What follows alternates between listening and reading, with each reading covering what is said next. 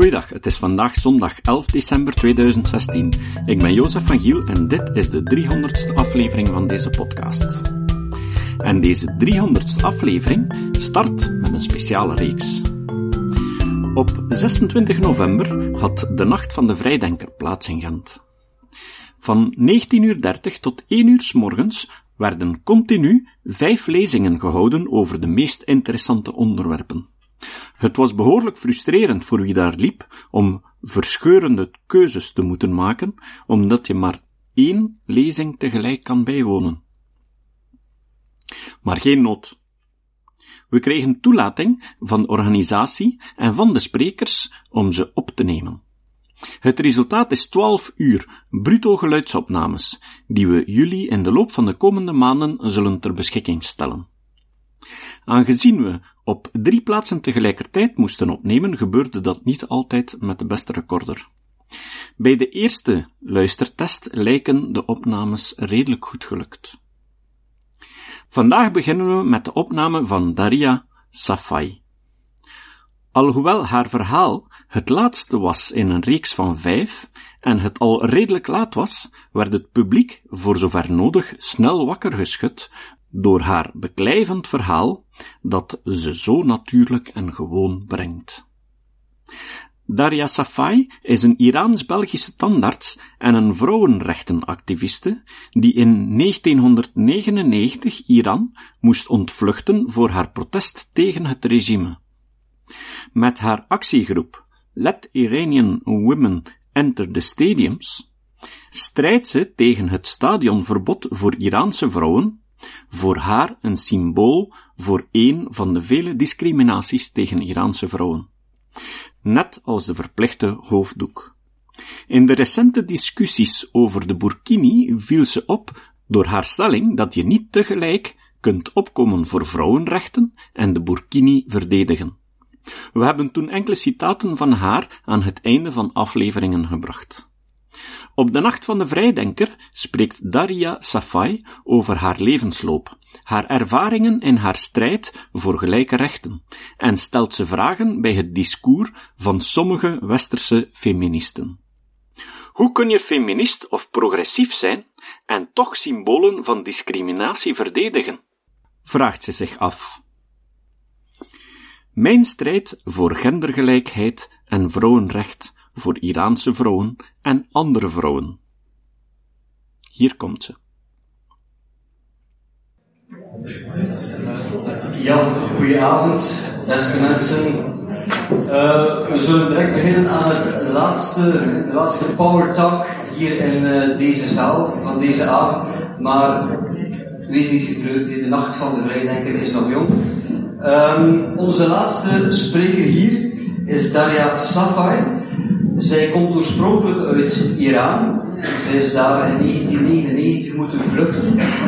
Zij zat omwille van haar kritiek en haar activisme daar in de gevangenis. Dus het was eigenlijk niet zo gemakkelijk om naar hier te komen.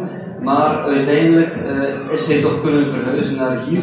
En van hieruit blijft zij haar protest en haar activisme verder zetten. Bijvoorbeeld onder de actiegroep Let Iranian Women Enter Their Stadiums. Um, en ja, dat is een van de vele symbolen van de discriminatie ten opzichte van vrouwen. Net als de verplichte hoofddoek. In de recente discussies, waarschijnlijk zullen een aantal onder ons die wel uh, gevolgd hebben, uh, mengt zij zich door, en, en valt ze op door haar stelling, dat je niet tegelijkertijd kan opkomen voor de vrouwenrechten en ook opkomen, of de burkini verdedigen. Dus als een, meisje tegen haar zegt, ik, draag dat uit vrije wil, dan zal zij daar eh, een, een, een, negatieve respons op geven. En heel haar argumentatie daaromtrent, en ook een beetje haar persoonlijke leven, zal ze proberen samen te vatten in, uh, in het laatste half uurtje dat we van haar mogen verwachten.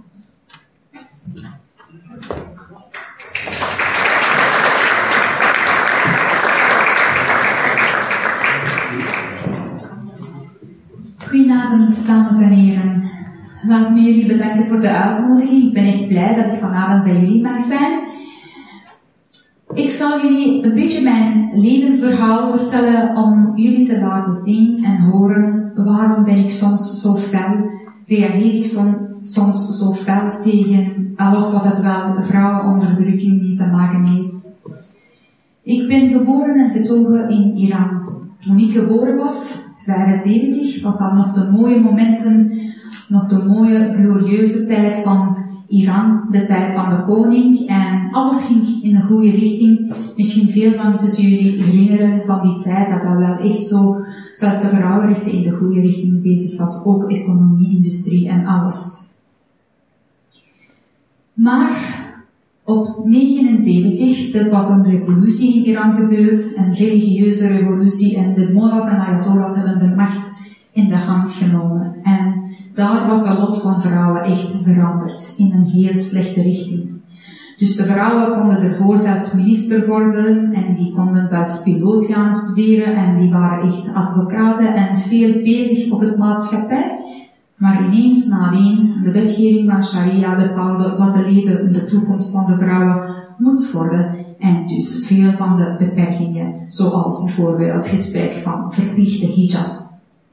Verplichte hoofddoek was een van de eerste dingen dat dat echt zo uh, opgelegd wordt op vrouwen. En ook al was dat van de eerste dagen veel protest ertegen, maar dat was te moeilijk om er tegen te gaan. En nog altijd na 38 jaar, Iran is een land dat, dat vrouwen, alle vrouwen moeten gewoon verplicht hoofddoek op hoofd zetten. Ja, ik was opgegroeid in dat periode en toen, ik herinner me niks van de tijd van de koning, van de Shah, maar nadien weet ik nog heel goed, toen ik zes jaar oud was, op de eerste dag van mijn schooldag, was ik op weg naar school toen mijn mama naar mij kwam en die gaf me een paar uh, stuk zo'n kleden, lange kleding, kleding dat dat echt zo vormeloos was, donkerblauw, geen uh, echt vorm en ook een broek eronder. En een laatste stuk als hoofddoek dat dat zelfs van voor dicht was, dat je nek is niet te zien, voor een kind van zes jaar.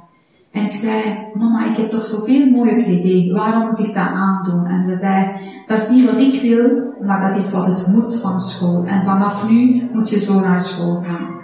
Ik was zo triest, maar nog erger toen ik zag dat de buurjongetje van bij ons, die ik altijd meespeelde op hetzelfde dag, die was ook de eerste dag van zijn school, die wou ook naar school gaan. En ik heb die gezien de trappen naar beneden komen met hetzelfde kleding als de dag voordien. En ik wist, ah ja, mijn leven verandert, maar zijn leven blijft hetzelfde. Dat was de eerste confrontatie echt van dichtbij met de discriminatie zonder te weten dat dat, dat is de discriminerende dingen, dat dat wel gewoon vanaf nu gaat gewoon op, opgelegd worden op ons. Toen ik negen jaar oud was, was ik gewoon tussen vriendinnetjes. Wij hebben wel altijd apartheidssysteem gehad. Mannen apart, uh, vrouwen apart. Ook meisjes en jongens hebben aparte scholen gehad na de revolutie. En toen ik wel op de binnenplaats aan het spelen was met mijn vriendinnen, ineens moest ik luid op uh, lachen. En dan zag ik onze directrice van de school heel kwaad naar mij toe te komen en die zei, hoe durf je zo luid te lachen? Dat past niet voor een meisje. Een meisje lacht niet zo luid op. Ik schaamde me dood. Ik was echt bang en ik wist dat ik iets verkeerd heb gedaan en ik betreurde dat. En vanaf die moment heb ik beslist dat ik zal niet meer luid op lachen. En je kunt op de foto's van mijn boek kijken. Sindsdien heb ik echt weinig zelfs glimlacht op de foto's. Dat was een trauma voor mij, dat ik iets verkeerd heb gedaan en ik mag dat niet meer doen. Op school waren wij negen jaar oud, tien jaar oud toen het wel de godsdienstleerkracht heeft ons geleerd. Als een sluk haar van jullie ware zijn te zien door een man dat jullie niet kennen, dan gaan jullie in de hel van die slokhaar gewoon gehangen worden en oneindig verbrand worden. Nog poeier worden en dan die poeier gaat God weer een man van maken en dan weer laten branden. Dat was echt oneindig verbranden en dat was zo vreselijk. En je dacht niet, waarom heeft die God mij dan gecreëerd als die mij zo wil gewoon straffen? Maar je had zoveel schrik en trauma dat je zei, oké, ik zal wel voorzichtig zijn. En zelfs had ik schrik dat mijn mama gaat in de hel gaan en verbrand worden, maar ik durfde haar ook niks zeggen. Maar dat was onze leven. Jaar na jaar, met de ouder worden beperkingen gewoon meer en meer. Bijvoorbeeld, toen wij 11, 12 jaar oud waren, we mochten niet meer fietsen. Een vrouw mag niet fietsen. Of bijvoorbeeld, als de familie naar de zee ging, dan mochten de mannen gewoon in de zee gaan zwemmen, maar de vrouwen in de hete van de zomer moesten gewoon gewoon ernaast zitten en kijken. Of bijvoorbeeld, ik was altijd een sportfan, maar ik mocht niet naar de stadion gaan en wedstrijd bijwonen omdat ik vrouw was. En veel andere dingen zoals verplichte hijab, dat je dat niet wou, maar dat je altijd moest dat in een manier aandoen dat de morale politie op straat jou niet oppakt.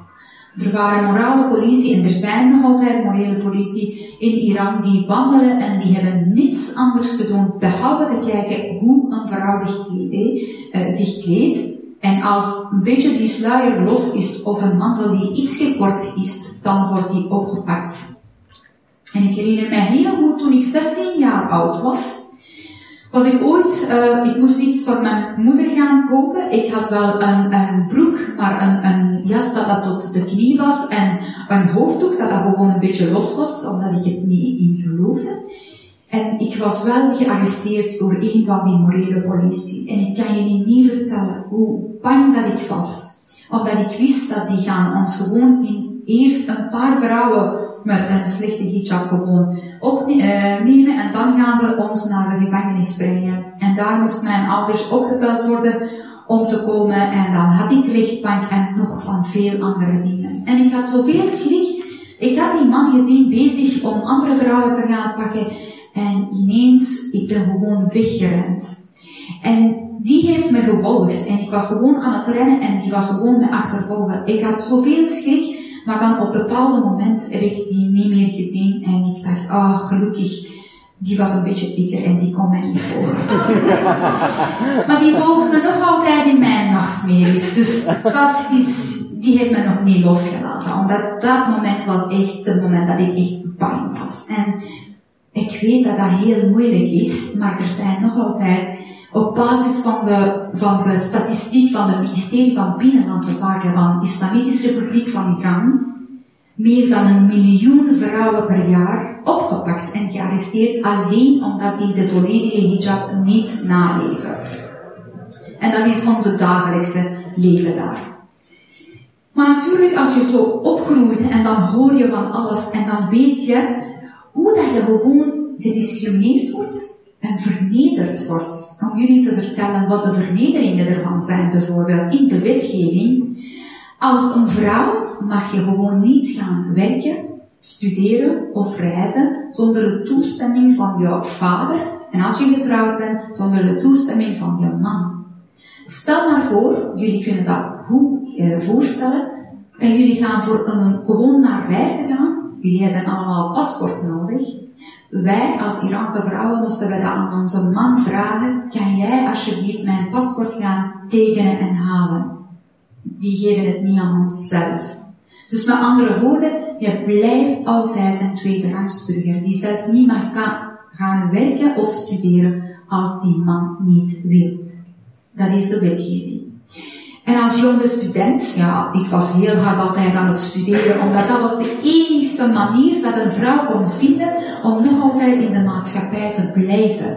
En niet snel uitgehuwelijkd worden en niet snel beginnen met de kinderen en uh, familie en geen carrière. Dus ik moest ook dag en nacht studeren. En dat heb ik gedaan om gewoon een hoge studie doen en te kunnen blijven in de maatschappij. En daarvoor ben ik wel uh, een van de beste universiteiten van Iran, Teheran Universiteit, als standaards begonnen te studeren. Maar natuurlijk, als jonge vrouw, je wist overal gediscrimineerd, wij waren actief. Ik was na een paar jaren uh, na mijn studie gewoon getrouwd met mijn echtgenoot, die ook politiek actief was. En ja, wij hebben van alle activiteiten gedaan voor de mensenrechten en uh, alleen voor de verbetering van de politieke situatie en tegen de dictatuur van Islamitische Republiek van Iran en Khamenei als uh, supreme leider ervan.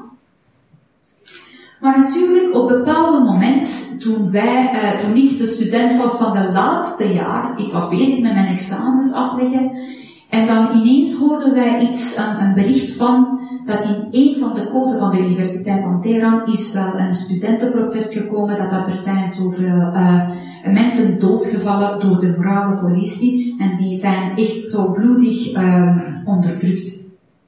Samen met mijn man, ik heb gewoon mijn boeken dicht gedaan. Wij zijn naar de universiteit geweest om te zien wat het aan de hand is. Wij hebben geen toegang gekregen, maar de dag nadien, we hebben gezien dat daar op de kranten overal zo uh, die code, alles uh, gewoon kapotgeslagen, bloed op de muren, de handen gewoon zo, en de, de dode studenten die, omdat die gewoon geduwd worden uit een terrasje. En waarom? Omdat die gewoon hadden een protest tegen de dictatuur en censuur in de uh, kranten. En dat was gewoon de laatste druppel. De mensen die twintig jaar hebben niet meer kunnen protest uiten, die waren op straat. Wij waren allemaal op straat en wij wilden gewoon niet meer de examen afleggen, maar op straat zijn. De dagen, een van de beste en mooiste dagen van mijn leven was het moment dat ik ga gewoon, dat ik ging gewoon luid op gewoon zeggen, weg met de dictator. Dat hebben wij allemaal samen gedaan. Maar na een paar dagen, dat was ook heel bloedig onderdrukt. Omdat de dictator heeft gezien, of is dat nu, of is dat nooit meer de kans. Ik moet zelf weggaan. Dus die heeft alle studenten onderdrukt. Er zijn meer dan 4000 mensen opgepakt op hetzelfde dag. En ik was een van die mensen. En mijn man was onderdoken. Ik heb geen nieuws meer van hem.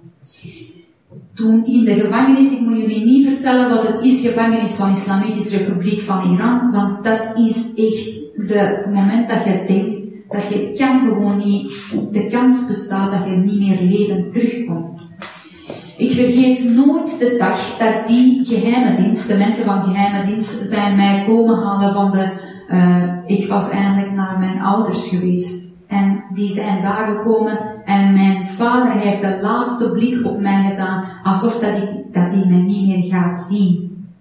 En dat was het moment dat ik wist dat, dat er is wel een donkere tunnel in mijn leven begonnen, maar ik wist niet waar gaat die tunnel naartoe en hoe gaat dat beëindigen en wanneer gaat dat beëindigen. Na een paar dagen, 24 dagen, dat ik in een cel van 2 meter op 2 meter uh, opgesloten werd, dan, ik had zoveel schrik van alles en nog wat, maar die hebben mij voorlopig vrijgelaten tot mijn rechtbank op een heel uh, uh, grote bedrag van borg dat ik moest betalen om voorlopig vrij te komen en mijn rechtbank, tot mijn rechtbank. En ik wou in een of andere manier met mijn echtgenoot in contact te komen om, om hem te vertellen wat het onze toekomst gaat zijn en wat moeten wij nu verder doen. Maar het was heel moeilijk, ik kon die niet. Tot een dag dat een vriend van ons is bij mij gekomen en die heeft een kleine briefje in de sokken gewoon zo uh, verborgen en die heeft dat aan mij gegeven. En ik zei tegen hem, ah ja, goed, dat die levend is en dat die nog veilig is, maar je moet mij absoluut bij hem brengen. En die zei, dat zou te gevaarlijk zijn, omdat ik was altijd onder controle van de geheime dienst, want die wouden niet liever dat ik met hem in contact kwam en dat die ons allebei kunnen nemen, opnemen.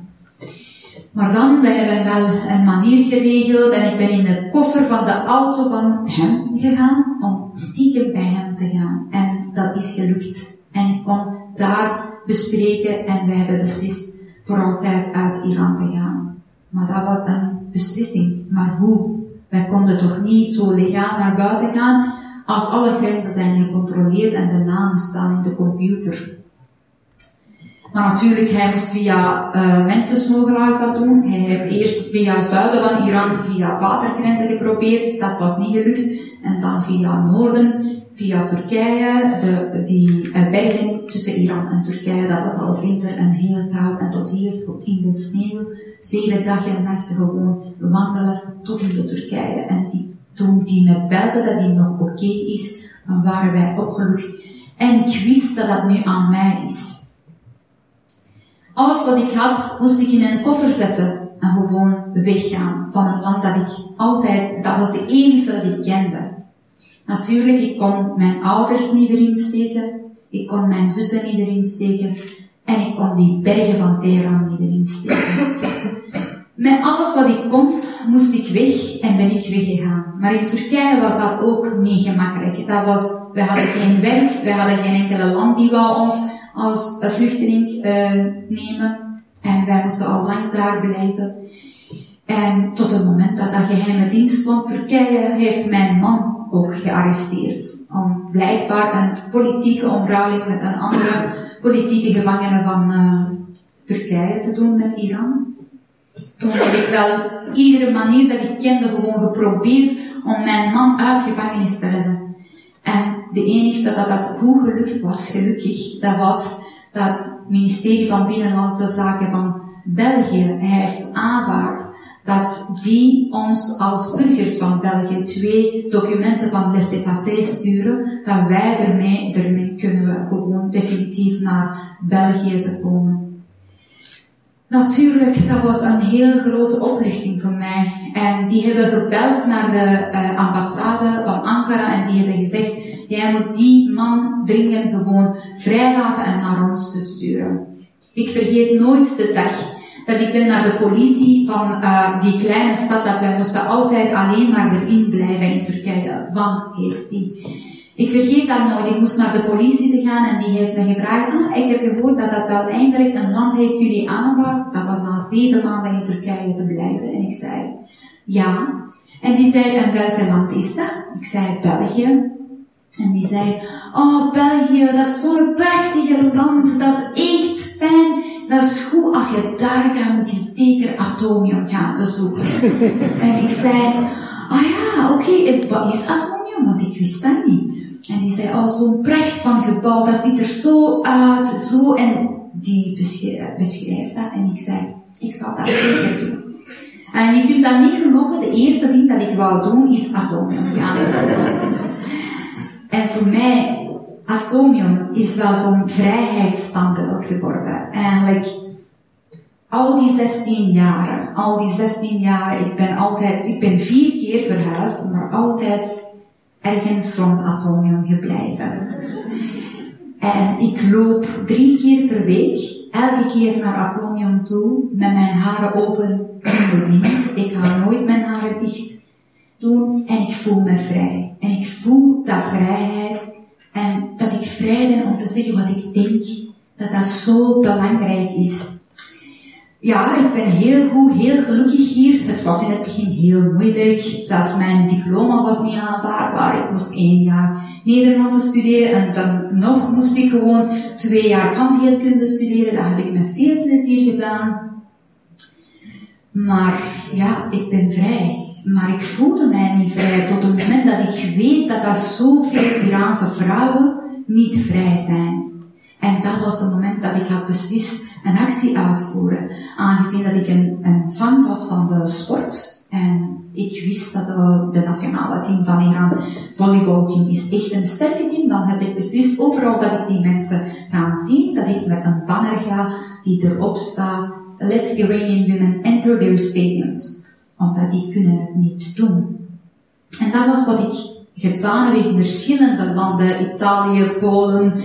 Uh, ik ben zelfs tot eh, Los Angeles gegaan voor die nationale team, uh, nationale ploeg. En dat was de hele actie dat dat overal ging. Ik weet niet als jullie dat gezien hebben of niet. De laatste, allee, vorige zomer was ik ook in de Olympische Spelen van Rio gegaan om, om dat boodschap laten horen aan de mensen. En dat was ook een actie dat dat echt met veel succes was. Ook al was dat echt moeilijk. Ze hebben zelfs leger geroepen om mij uit het stadion te nemen, omdat die vonden mijn boodschap is politiek boodschap. Terwijl ik zeg gewoon, dat is een, dat gaat over mensenrechten en er is niets belangrijk dat een mens kan een volwaardige rechten hebben en vol, volwaardige mens zijn.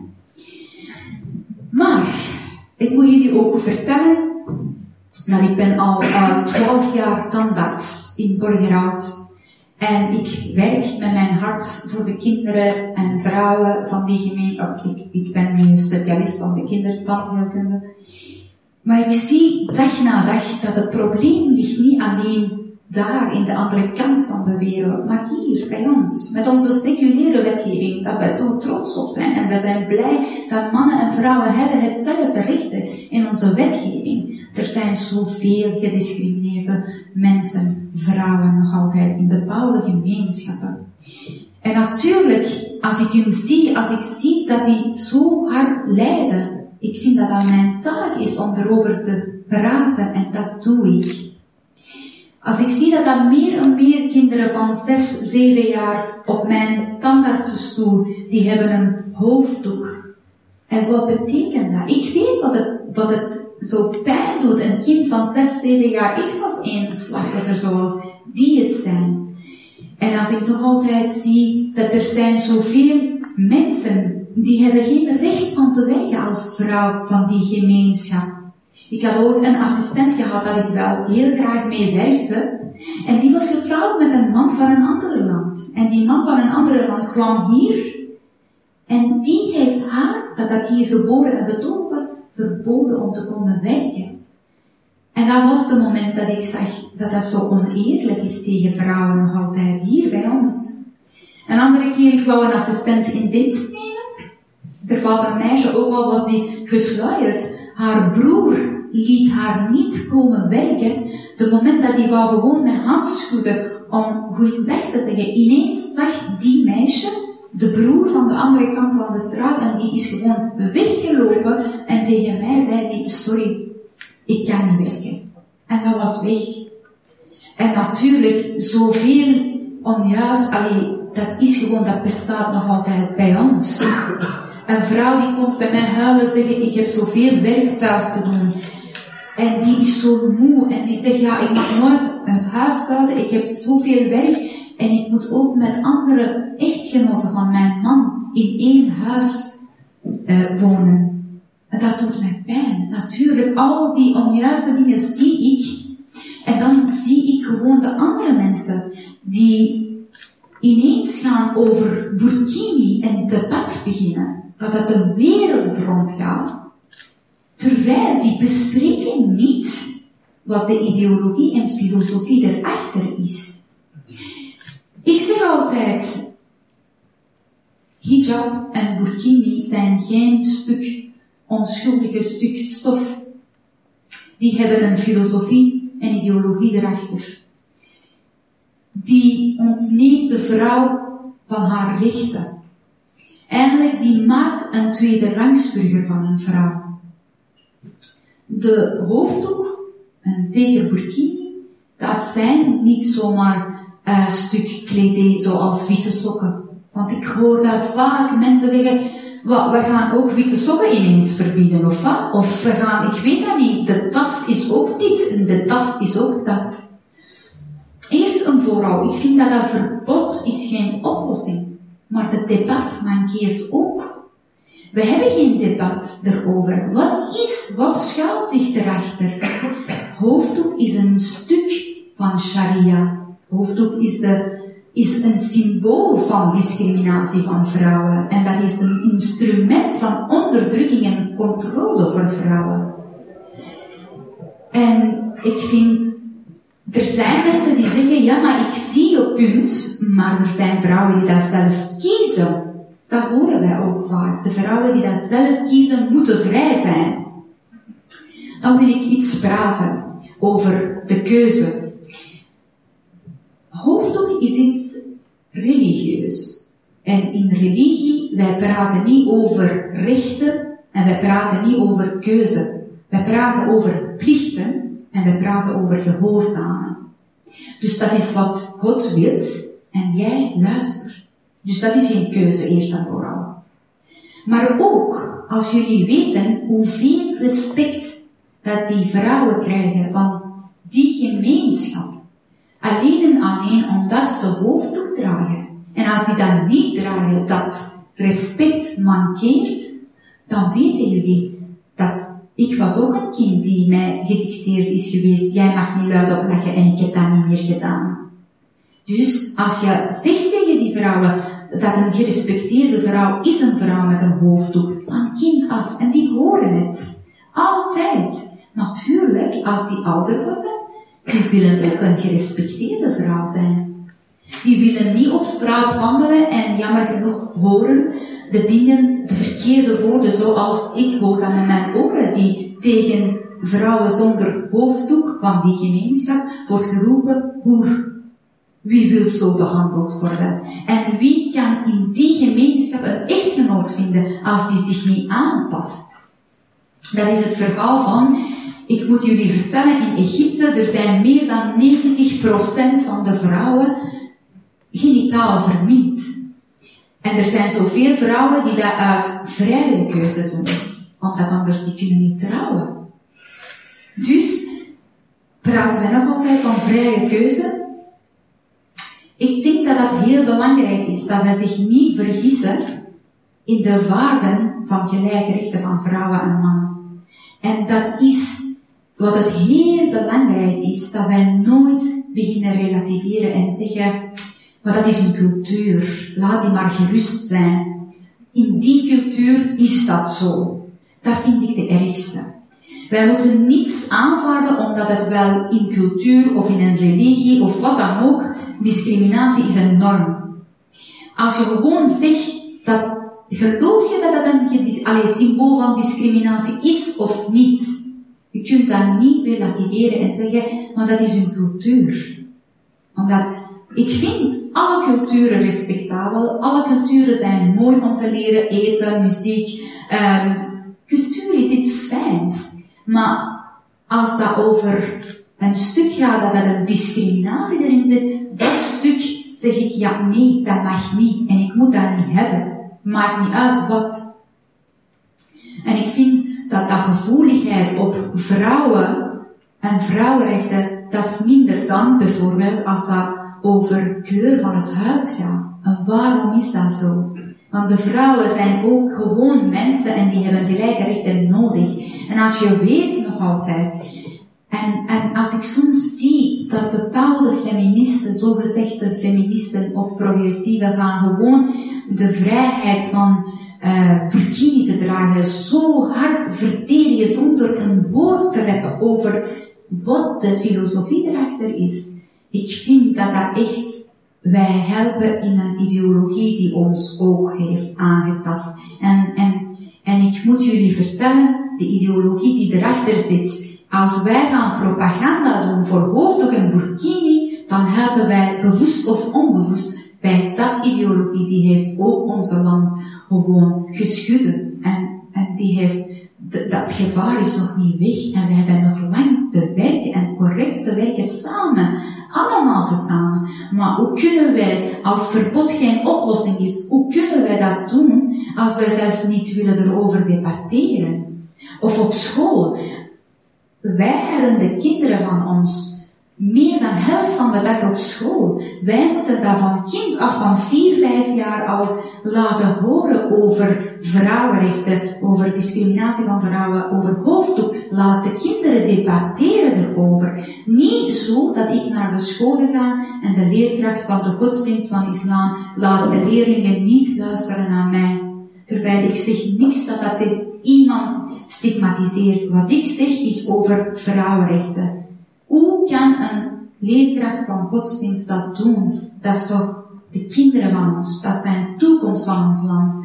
En dat zijn de dingen dat we moeten samen gewoon behammeren. Want ik vind dat uiteindelijk als vrouw wint, wint de hele samenleving. En dat is een heel belangrijke boodschap. Bedankt voor jullie aandacht. En uh, dat was eigenlijk mijn verhaal.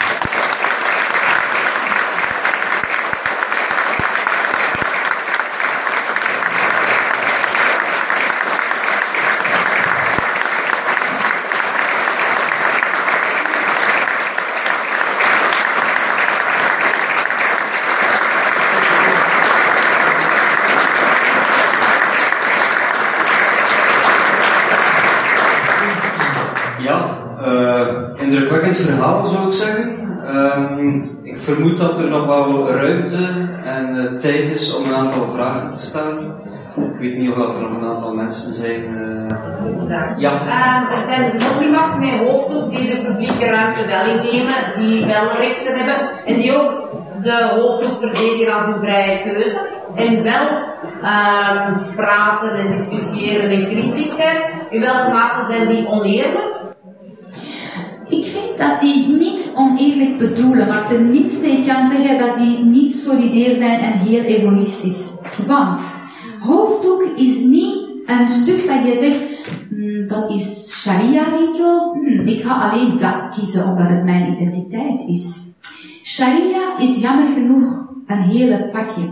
En dat pakket is in bepaalde landen, dat neemt de rechten van vrouwen als een volwaardige burger. Die worden tweederangsburger. Met alle vernedering dat ik u net vertelde.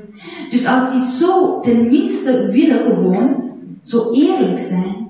Hier is een seculiere land.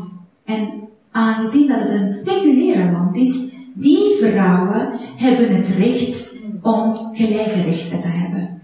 Dan moeten ze ook denken dat secularisme heeft dat geboden. Anders, die godsdienst biedt dat niet aan. Dat is toch oneerlijk. Dat is oneerlijk tegenover alle vrouwen die dat seculiere landen niet kunnen genieten zoals wij het kunnen. En die moeten solidair zijn met de vrouw die zelfs in Borgerhout, in Molenbeek, in onze land, in Vlaanderen, die moeten solidair zijn met de vrouwen die thuis zitten en niets te zeggen hebben. Zelfs die kunnen de, het huis niet buiten komen. Wij zijn vrouwen en ook mannen die moeten helpen dat de vrouwen gewoon gaan emanciperen. En zo gaat dat niet. En ik vind dat zo erg dat die nog altijd praten over dat is mijn identiteit. Omdat uiteindelijk we zijn één samenleving en wij moeten onze, onze identiteit is uiteindelijk behoren tot dit land en dit zijn gelijke rechten van mannen en vrouwen zijn iets vanzelfsprekend hier, vind ik. Ja. Hoe is de situatie nu in Iran? In Iran zijn eigenlijk de bevolking van Iran zijn helemaal apart van de Islamitische Republiek van Iran. Want die hebben al 38 jaar, die hebben alle discriminaties gezien en die vinden het echt niet meer te vol te houden. En vooral de armoede, want ik zeg dat ook altijd. Als je een land ziet dat dat gelijke rechten van mannen en vrouwen niet vanzelfsprekend zijn dan moet je ook niet verwachten dat de economie ineens gaat schitteren of ik weet dat niet wat. Dat gaat oorlog en armoede zijn. Hè. Maar dat is ook het geval in de Islamitische Republiek van Iran. Maar de Iraanse bevolking zijn vergevorderde mensen die vechten voor hun rechten, maar met heel zware onderdrukking. Ik moet jullie ook zeggen, vandaag is een van mijn vriendinnen in Iran, die was veroordeeld voor zeven jaar gevangenis en vandaag is ze opgepakt. Alleen en alleen dat ze, omdat ze opkwam voor vrouwenrechten. En zo is dat erg situatie. En dat is ook een van de redenen dat ik zeg, op mijn Facebookpagina heb ik recent een filmpje gedeeld van een meisje die straten van Teheran opging zonder hoofddoek en die vertelde hoe gevaarlijk dat, hoe, gevaarlijk dat, kan zijn en hoe erg het is dat zij dat niet wil en ze moet dat altijd op hebben. En jullie hebben dat misschien ook in de morgen gezien, want zij hebben dat ook gedeeld. Vrouwen willen niet meer zo leven.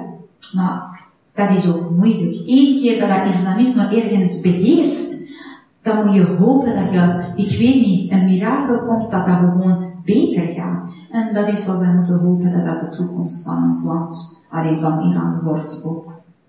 Ja. Ja. Je begon je verhaal met de situatie van voor de revolutie in Iran. En je gaf aan dat de mensen, en, zeker de vrouwen, ook in die periode redelijk geëmancipeerd leefden en zo. En dat men dat eh, vraag had. Hoe is de, de revolutie dan toch kunnen slagen? Was er toch een redelijke achterban? Of? Ja, eigenlijk dat is wel ook een heel goede vraag. Dat wij nog altijd na 38 jaar zeggen, hoe is dat voor godsnaam gebeurd? Maar wel, ik moet dat zeggen, er was wel zo, uh, ja, vergevorderde vrouwen op de maatschappij ook een beetje traditionele mensen met dat, ja, dat, traditie, dat dat niet leefde tussen die vergevorderde mensen, want alles was heel snel aan het veranderen. Dat geld kwam heel snel, vrouwen waren geëmancipeerd, maar nog de traditionele bevolking bestonden zo traditioneel. En dat was een, een, uh, opstand van die bevolking maar ook met de wapen van islamisme, dat dat heel um, agressief kan zijn. Die hebben de anderen onderdrukt. En zo is dat eindelijk gekomen. Het was te snel, die revolutie. Het kon wel beter gaan als dat wel, als dat koning een beetje de sfeer opende voor democratie. Dat heeft hij niet gedaan. En juist op een heel slechte moment heeft hij alles gewoon achtergelaten en naar buiten gekomen. Juist op het moment dat hij moest gaan verdedigen en dat hij moest nog misschien veel andere mensen onderdrukken. Die islamisten moesten onderdrukt worden en die zijn niet geworden en dat was wel gewoon, de lot is veranderd. Um, wat kunnen wij doen hier in België om mensen ervan overtuigen dat secularisme eigenlijk een, een te overwegen alternatief is op islamisme? Dat is een heel, heel simpel debat. Het is moeilijk om dat te zeggen. Zoals bijvoorbeeld als ik op tv was, op RTL, er was wel een vrouw die mij zei, ja mevrouw, maar ik voel me niet, met hoofddoek natuurlijk, ik voel me niet onderdrukt. Ik zei, ja, je geniet van de, uh, van de voordelen van secularisme, mevrouw. Dat is heel simpel. Dat, dat heb je niet, dat recht. En, en meestal die kennen zelfs de godsdienst niet. Dan ene keer de Koran lezen, wat ik in gevangenis heb gedaan. Dan ene keer de teksten van de die godsdienst lezen. Ja, nee, jij hebt dat recht niet. Jij hebt geen gelijke rechten tussen mannen en vrouwen. Wat jij voor vecht, dat betekent dat. En natuurlijk, secularisme is iets dat wij moeten hebben als wij willen. Maar ik zeg het ook altijd. Kijk naar de um, Midden-Oosten. Alles oorlog, alles probleem, miserie, armoede. Maar waarom is dat hier wel? Waarom gaat dat hier goed? En jullie hadden dat probleem van uh, godsdienst ook in de geschiedenis gehad. En dat ging niet goed. Omdat godsdienst, dat kan toch niet de maatschappij wetgeven, beheersen. Dat kan gewoon niet. Godsdienst in islam is van duizenden jaren geleden. Wie dat het ook wil, die mag dat in hart houden. Die mag moslim zijn, die mag gewoon met zijn God praten in welke taal dat hij wil. Maar dat moet privé blijven. En dat is zo simpel om uit te leggen. Als, als je ziet een moslima die vecht voor niet, geen secularisme, omdat dat is geen secularisme, dan zeg maar, dan heb je je rechten ook niet. Je kunt niet dat kiezen en dat gewoon achteraan schuiven. Dat is egoïstisch. En vecht maar voor die vrouwen die andere kant van de wereld, Afghanistan, Pakistan, nog altijd zijn onderdrukt. Ik weet dat niet. De laatste tijd ben ik altijd in tranen, omdat ik hoor altijd slechte dingen van, van die landen. En, en die horen het niet, of die, die sluiten de ogen. Dat, dat ziet de mens niet. Ik bedoel, wij moeten solidair zijn samen. En, en wat moet je dan gebeuren om met die bad eerlijk te voelen? Zonder al relativisme en zonder dat wat is en cultuur en doen. Dat is heel belangrijk en, en dat is natuurlijk ik kan af en toe opinies schrijven, maar dat is de taak van, ook van de media's. Ik vind dat dat wel nog meer moet op media's komen. En ik zie, jammer genoeg, dat, dat, dat komt niet echt, ja, aangezien dat, dat hier vrijheid van meninguiting bestaat, je kunt altijd een opinie schrijven, maar dat gelukkig dat mensen, als je bekijkt op mijn opinie, er zijn duizenden gedeeld en altijd commentaar eronder, zo de opinie van de mensen wordt ook gehoord, want de opinie van de mensen soms wordt gewoon niet ook, niet volledig door onze politici gewoon gerespecteerd. En dat is ook wat wel de mensen niet meer, niet, niet tof vinden. Ik vind dat dat wel, ja, media's moeten ook hard erop werken en ook wij allemaal, wij moeten dat gewoon blijven uh, doen en ook op scholen. Dat is heel belangrijk, want ik vind wat wij vandaag hebben, in Molenbeek en wat wij hebben meegemaakt op 22 maart aanslagen, dat was niet in één jaar gebouwd. Die waren van 15 jaar geleden, van 20 jaar geleden genegeerd geweest. Dat gevaar dat ik het wel zag. Ik wist dat dat gaat komen. Op hetzelfde avond had ik wel gewoon, op hetzelfde avond van uh, uh, die aanslagen van Parijs, had ik wel een lezing gehad bij Open VLD Vrouwen en ik zei dat gaat komen, omdat het wel zo is.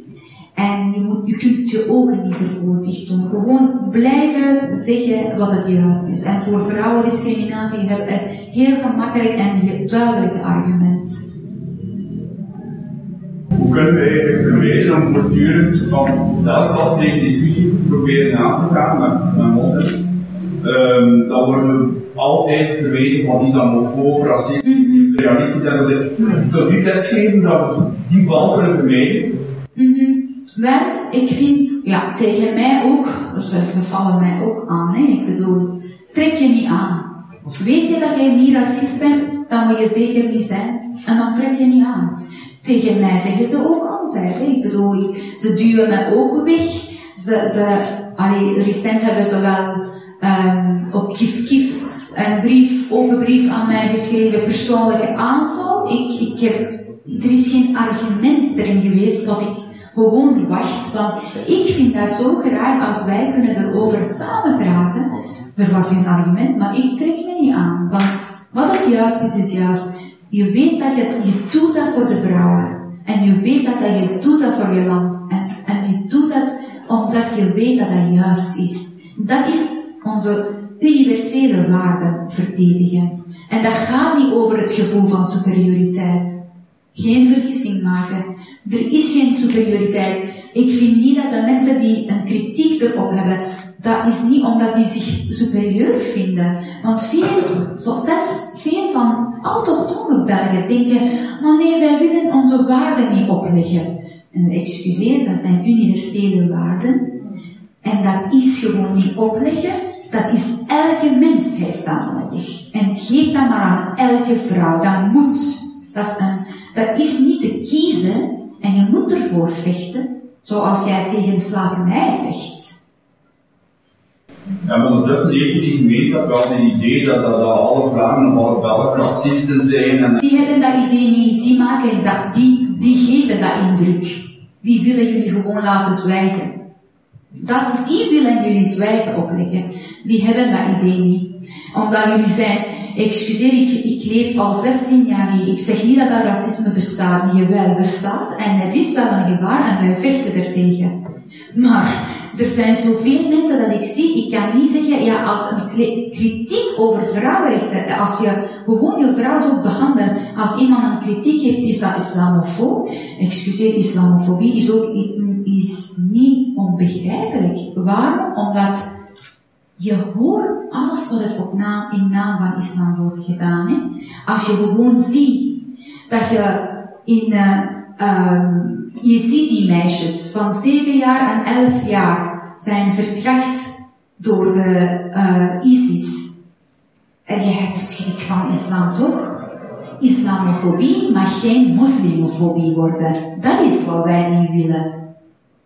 Moslims, als die op straat wandelen, die moeten gerust gelaten worden, tenzij dat die iets verkeerd doen, zoals vrouwenonderbreking. Maar moslims hebben een brede spectrum. Van de mensen die athee zijn, agnost zijn, alcohol drinken, halal, of maakt niet uit, halal of haram, die eten alles wat het is, tot extremisten. Islamofobie mag geen moslimofobie worden. Dat is wat wij vermijden. Maar voor de rest, excuseer alles wat het op naam van islam gedaan wordt. Ik bedoel, wie krijgt er geen uh, van?